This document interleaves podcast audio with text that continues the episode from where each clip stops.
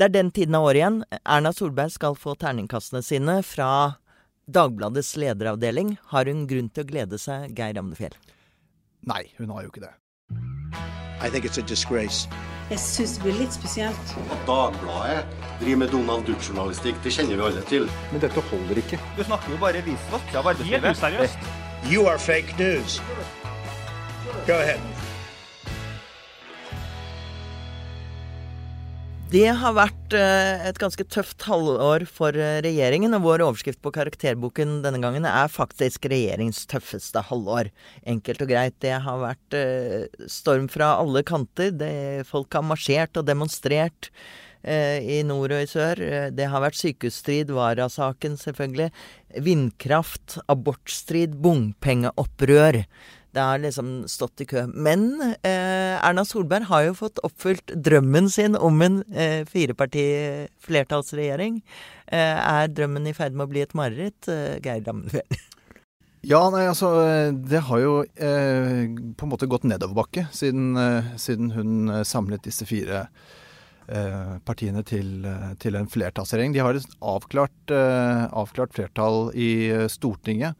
Men, men det virker på en måte som eh, en firepartiregjering har blitt en veldig sånn stiv konstruksjon som er vanskelig for dem å jobbe med. Sånn at de indre spenningene, eh, som da har blitt enda større i en firepartiregjering, er vanskeligere å håndtere. Så vi ser også at de har gått eh, ganske kraftig ned på målingene, alle fire partiene. Og det øker jo igjen behovet for egenmarkeringer, så det blir en sånn ond sirkel ut av det. Eh, dette er jo et, uh, en karakterbok som hele lederavdelingen lager. Og vi har også med i studio Martine Aurdal, som er med i lederavdelingen.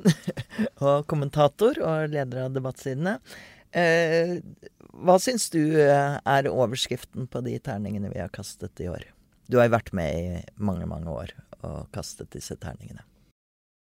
Det må vel være noe med regjeringsslitasje Eh, Erna Solbergs regjering har jo eh, klart å få Frp til å bli et ansvarlig regjeringsparti.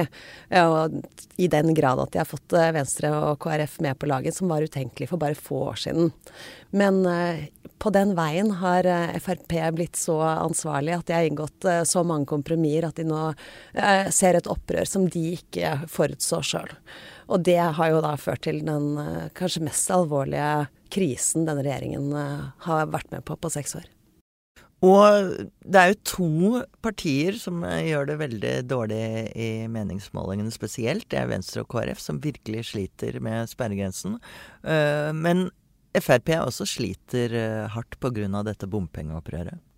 Ja, Det er mange paradokser eh, knyttet til det. fordi Hovedgrunnen til at vi har eh, nå rekordmye bompenger over hele landet, er jo at Frp med finansministeren og samferdselsministeren i seks år har fått gjennom en gigantisk veiutbygging over hele landet. Eh, men for å få til det, så må man i Norge i dag eh, la bilistene betale en del av den kaka. Så sånn sett er det jo FrPs store gjennomslag som har satt dem i denne situasjonen. De har jo Et paradoks. Ja, altså det er, det er vanskelig å toppe symbolkraften i bompenger, selv om man har fått mer vei og lavere bilavgifter. Og dette har jo den ellers eh, eh FRP, altså, ellers suksessrike Frp-lederen ikke klart å forutse, åpenbart. Og de har blitt vettskremt i den grad at det har jo skapt svære rystelser også for Erna Solberg. Vi får se hva som skjer valgdagen, fordi at uh, statsviterne er allerede ute og sier at de er svært usikre på disse målingene, da, som jo har sjokkert uh, det politiske landskapet. Det er jo alltid veldig ja. vanskelig å måle nye partier fordi man ikke har noe å vekte med. Mm. Men uh, Geir, vi snakker om at vi kaster terning. Litt sånn kokett. Og det er jo terningøyne de får uh, på, i karakterboka. Men, uh, men, det er ikke så Det er ikke yatzy vi spiller her. Det Nei. ligger arbeid bak. Det, det ligger... Folk vet ikke hvor mye arbeid Nei, det ligger bak. Nei, man skulle bare visst hvor mye vi jobba og sleit. Nei, vi har um vi er jo en stor avdeling som følger politikk tett, og vi har også kolleger ellers på huset som har vært våre sparringspartnere i denne prosessen. Men det er da kommentaravdelingen som til slutt da tar en gjennomgang og snakker seg gjennom alle statsrådene og, og øh, gjør research på hvilke saker er det de har hatt i løpet av øh, siste halvåret. Hvordan er det de har markert seg, og forsøker å også liksom ha en vekting av eh, hva er det de selv ønsket å oppnå. Så det er, jo liksom, det er jo en kommentaravdeling som har vurdert det, men det er en forsøksvis objektiv Eh, metode eller tilnærming eh, til ja, fordi uh, Politikeren, den klassiske liksom, innvendingen mot disse karakterbøkene er at vi er like tabloide når vi, når vi, skal kaste terninger, også at vi ikke ser alt det harde arbeidet de driver fra dag til dag. Det er ingen som ser det harde arbeidet som jeg sitter og gjør hjemme for meg sjøl heller. Man ser kanskje et eller annet som kommer på trykk i spalten. Det samme er det jo med politikere. at man, Vi ser jo det harde arbeidet de gjør i form av resultat og gjennomslag i politikken. Og det er klart at liksom, det, akkurat det terningkastet er det noe som liksom henger seg opp i. Men det er jo liksom, det er et tabloid virkemiddel. Det er jo for å få folks oppmerksomhet. Og folk elsker jo å lese disse vurderingene, og der tror jeg faktisk terningkastet har en, ting, en, del å si. Og vi vet jo at uh, regjeringen er alltid venter spent. eh, hva skal vi begynne med? Skal vi begynne med snittet? Det ja. indikerer jo litt hvor, eh, hvor nivået ligger. Ja, Snittet er da på 3,47. Eh, det er jeg veldig fornøyd med. At vi er så, så fint og gjennomsnittet. Ingen kan ta oss på det. Det, det, liksom, det avslører at det er en sånn der, Det er en litt sånn matt gjeng. Det er, det er mye, mye gjennomsnittsprestasjoner her. Det er få, eh, få topper, for å si det sånn. Ja, det, er en, det er en del statsråder som preger seg litt slitasje. De har nå sittet i i seks år, eh, noen av de. Og, og da eh, bærer man jo ofte litt, litt preg av det. Vi skal gå inn på noen av de enkeltstatsrådene. men la oss ta de viktigste først. Partilederne. Hvordan gjør de det? Nei, altså Siv Jensen hun har jo hatt et, eh, et veldig tøft år. Eller et tøft halvår. Hun, hun har jo hatt ja, hun har hatt problemer med den kombinasjonen av det å være finansminister og, eh, og partileder. Altså, eh, hun måtte da gå på et eh, tap i, eh, i, eh, i Frp sitt landsmøte, hvor da et enstemmig landsmøte jublet og klappet stående for 100 milliarder til å slette bompenger. Carl I. Hagen dukket opp igjen. Carl I. Hagen var der. Og det er jo liksom sånn Det er da selve liksom selve eh, erkeeksempelet på eh, det uansvarlige Frp som ikke hun kan ta med seg inn i regjeringen, og som nå overtok og på en måte tok regien på hele, eh, på hele FrPs håndtering av det som da var den vanskeligste saken, i ferd med å bli den vanskeligste saken, bompengeopprøret. Så der, hun har, hun har jo klart å liksom få det på plass igjen, men det har vært såpass det har vært såpass høye bølger i den saken at det, det viser jo at hun eh, strever mer med den håndteringen av behovet for egenmarkeringer og det å være et ansvarlig regjeringsparti enn noen men, Men hun har ganske kontroll. Altså, Martine, du skrev jo en kommentar i forbindelse med 50-årsdagen hennes eh, tidligere i vår. Eh, og for så vidt roste henne for at hun hadde så god kontroll på disse opprørerne. Jo, men altså Frp som ansvarlig styringsparti er jo Siv Jensens livsverk. Og det er jo nettopp det som har stått i fare med dette bompengeopprøret. Nå har hun jo klart det mirakuløse, får man nesten si, i å få både Carl I. Hagen, Sylvi Listhaug og Christian Tybring-Gjedde til å holde kjeft. Og slik sett reddet regjeringen. Hårfint, i hvert fall eh, foreløpig.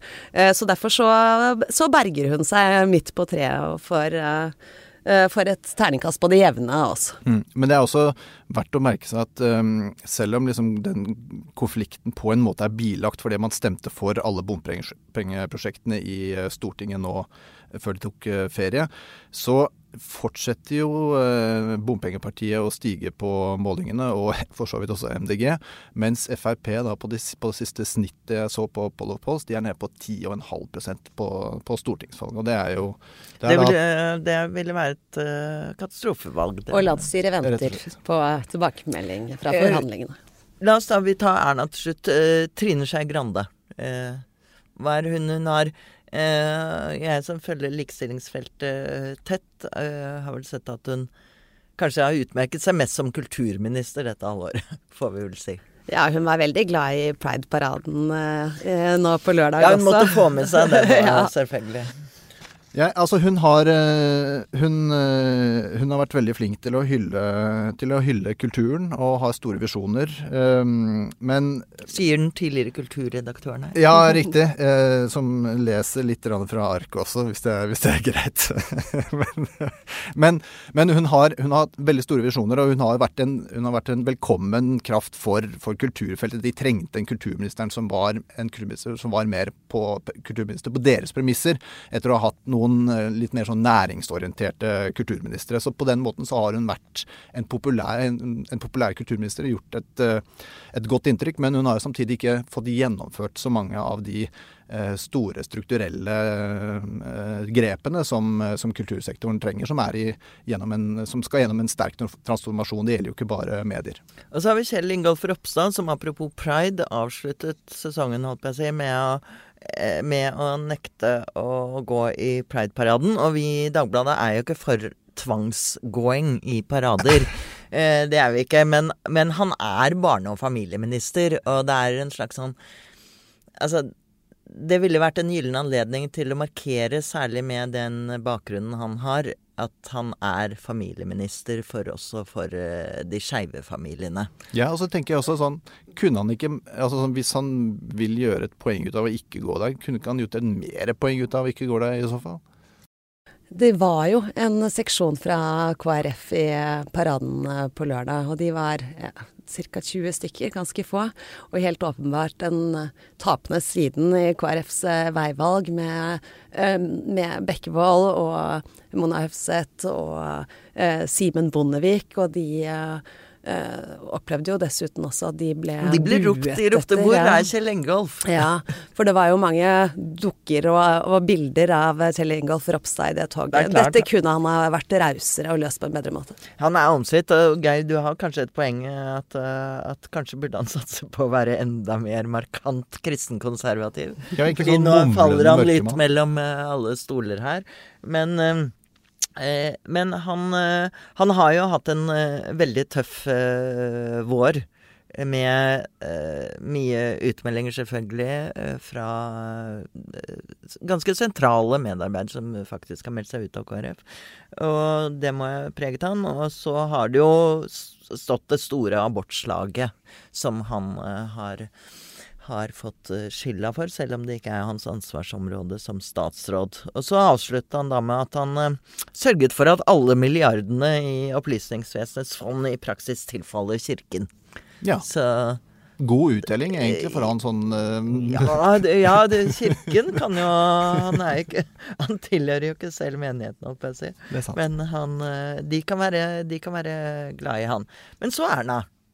Ja, Erna, hun eh, Vi var jo inne på det i, eh, i, begynnelsen her. Hun har jo da nådd på en måte sitt store strategiske mål som hun eh, har trukket fram selv i en rekke anledninger. At eh, det å samle de fire partiene på ikke-sosialistisk side, som det het eh, i Knut Arild Hareides tid, eh, til en felles regjering. Det var liksom det store prosjektet. Og med, med felles avklart uh, flertall så ville det være lettere å, å, få ting gjennom. Det ville bli mer arbeidsro i forbindelse med budsjettprosesser osv. Men så er jo da det det som hun kanskje har oversett, er at, den, at, den, at den, det kompromisset det blir på en måte et sånt jerngrep som eh, gjør at partiene ikke kan eh, utspille eller spille ut eh, sine egne politiske saker, og som gjør at det blir en slags sånn negativ spiral. og jeg tok en gjennomgang av, av, oppslutningen til alle fire partiene fra desember og til juni nå, gjennomsnittet. Eh, og da har Høyre gått ned fra 25% til 22% Frp fra 13% til 10,5% KrF fra 3,6% til 3,1% og eh, Venstre fra 3,6% til 2,9% Så det er, det er, litt for langt opp da, eh, mm, for mm, yeah. de to små partiene, samtidig som de to store tappes, sånn at de ikke kan hjelpe de to små opp igjen hvis det skulle være nødvendig, sånn som de klarte i, med Venstre i 2017. Så det, det må være litt vanskelig. altså Erna Solberg har jo liksom gjort dette. Det har, det har vært en arbeidsseier for Erna Solberg, men hvordan hun skal liksom kunne arbeide dette er i mål med den konstellasjonen som hun er i dag. Hun klarer jo å spille ut uh, sitt største opposisjonsparti, holdt jeg å si. Arbeiderpartiet er jo ikke, klarer jo ikke å posisjonere seg noe bedre. Men er det egentlig pga. Erna Solberg, eller er det pga. Arbeiderpartiet selv?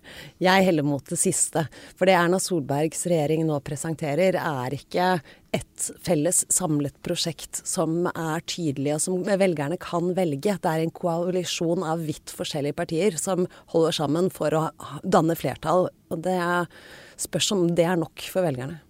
Det er klart, men, men, jeg tenker at eh, Ernas fokus, hvis hun ser to år frem også, da, og det kan gjøre det historiske at uh, å vinne for tredje gang, det ville jo være helt uh, fantastisk. Men uh, Altså fantastisk i den forstand at det er historisk. Men at hennes mål er å, å, spille ut Arbeiderpartiet, selvfølgelig. De venstrepartiene fosser frem, men så lenge Arbeiderpartiet ligger så lavt som de gjør, så er det fortsatt en mulighet for regjeringen. Det tenker jeg også. Jeg snakka med en kilde som mente at, at, det egentlig nesten var et problem at Arbeiderpartiet var i såpass haltende form. Fordi Høyre de trenger liksom en å kunne hamre på. Eh, de trenger, en, eh, de trenger et Arbeiderparti, og det, det, er i hvert fall Når jeg tenker tilbake på siste halvår, liksom når det glimter til fra Høyre, det er når de kan liksom gå litt og sånn Ja, nå svikter Arbeiderpartiet oljebransjen med det Lofoten-vedtaket, f.eks. Det er da det liksom eh, Det er da det lyner litt fra høyrehimmelen. Ja, statsministeren har jo selv sagt at hun syns det er et problem når Arbeiderpartiet eh, ligger så dårlig an på målingene at det ødelegger dynamikken i den politiske debatten. Ja, ikke sant. Hun må forholde seg til så mye rare rare småfolk. En liten digresjon her. Syns dere Jonas Gahr Støre danset bra? Jeg syns det var skikkelig kult. Det. Jeg likte bedre Raymond Johansen. Han var sånn powerdancing. Han så ut som en sånn Rocky Balboa fra eneren.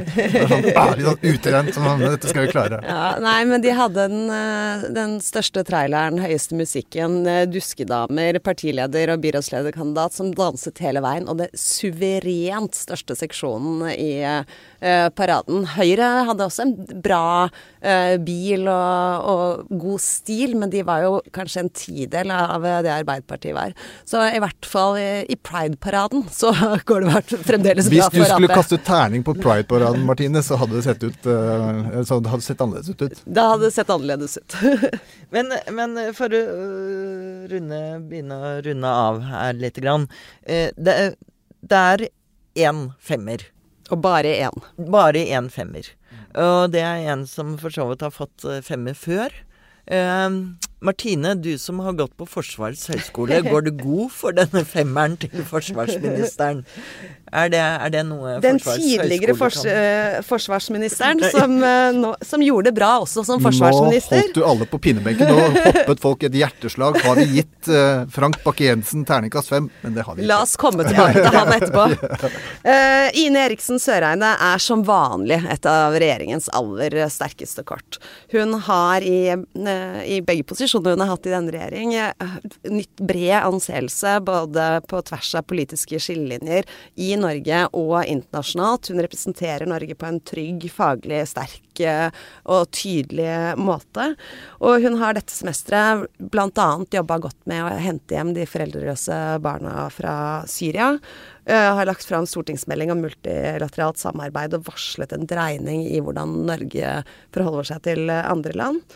Så tapte hun kampen for uh, nedleggelsen av Norad som Høyre planla. Det uh, det er jo ikke nødvendigvis alle så lei seg for, men, men der venter man jo da på hvordan dette skal var det ikke sånn det var? Der røyk sekseren. men hun fortjener en klar femmer. Men Frank, som vi var innom her, og rotet litt i papirene her, det må jeg beklage, men, men han, han har ikke så grunn til å juble. Nei, han får denne karakterbokas eneste toer. Han har hatt mye uflaks. Han har uh, møtt uh, fregattforlis og skandalekjøp med uh, FH90-helikoptrene. Vært i kontrollhøring om det. Risikerer en ny høring om merkostnadene til anskaffelsen av de nye F-35 jagerflyene. Møter sterk kritikk fra FFI, eget parti, Nato og USA for manglende opptrapping av satsingen på Forsvaret. Og lite av dette er jo Eller alt dette er jo egentlig ting som i stor grad er planer lagt før hans tid. Eh, men han, han mangler tyngden til å, å møte kritikken på, på, den samme måten som forgjengeren ville gjort. Og det er jo så nådeløst å lese den første setninga. Det, er jo sånn, det viser jo bare hvor nådeløse vi er i disse vurderingene våre. Og det skryter du av. Har uflaks og mangler tyngde til å håndtere det. Det er, men det er litt sånn det er, dessverre. Og hvis noen savner uh, Sylvi Listhaug, det er jo noen som gjør det, så har ikke hun fått uh, terning fordi at hun har sittet for kort. Uh, som folkehelseminister. Og hun det er jo fristende å kaste en ganske lav terning etter at hun startet med å nærmest nedlegge sin egen uh, eget departement, håper jeg å si.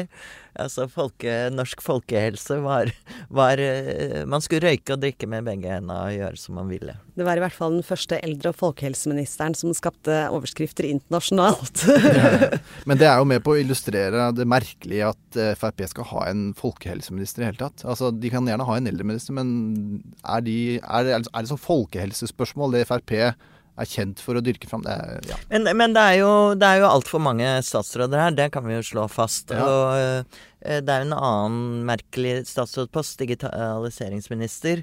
Uh, altså ikke at Nikolai Astrup er så merkelig, men uh, tvert imot. Men, men det var jo en jobb som tidligere ble innehatt av en statssekretær.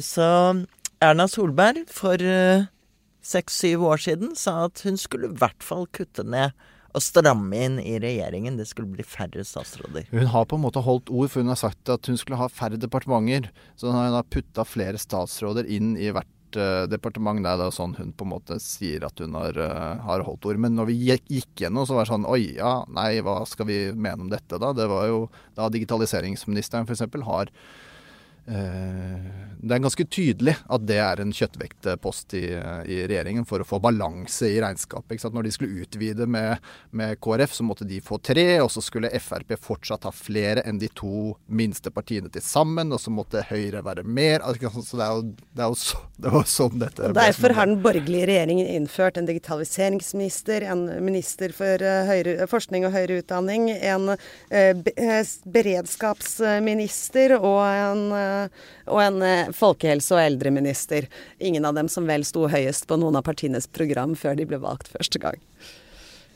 Og da, da, da blir jo eh, kan jo si at, at, dette preger også regjeringen at det er mange litt sånn ukjente. De får ikke vise seg frem så mye.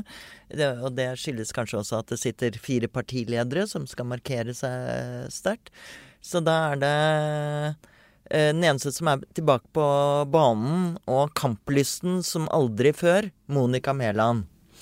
Bare ett ord om henne til slutt. Monica Mæland er jo denne regjeringens aller tøffeste og mest prinsippfaste politiker. Hun går knallhardt inn i enhver en debatt og står eh, beinhardt på det hun tror på. Nå også for tvangssammenslåing av kommuner inn i kommunevalgkampen, som hun drar opp av hatten en gang til. Ja, Det var så rart. Jeg hørte det på Politisk kvartal. Hæ? Snakker de om mer kommunesammenslåing nå? Men det var gøy å høre på, for Monica Mæland hun var klar og tydelig. Her skulle det være mer kommunesammenslåing kommunesammenslåinger, og dette var bra for landet vårt. Og hun hadde alle gode argumentene klare. Så det kan, hvem vet, kanskje det er en god Høyre-sak. Absolutt. Altså jeg tenker den, eh, Det andre slaget er jo tapt til Senterpartiet, så da må man eh, stå opp for sine standpunkter på en eh, klar og tydelig måte, tenker jeg. Og Monica Mæland savner krigen åpenbart, og vil ut i den igjen.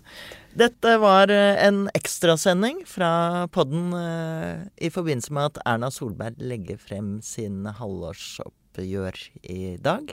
Eh, vanligvis med jordbær og is. Nå fikk hun litt pepper også herfra.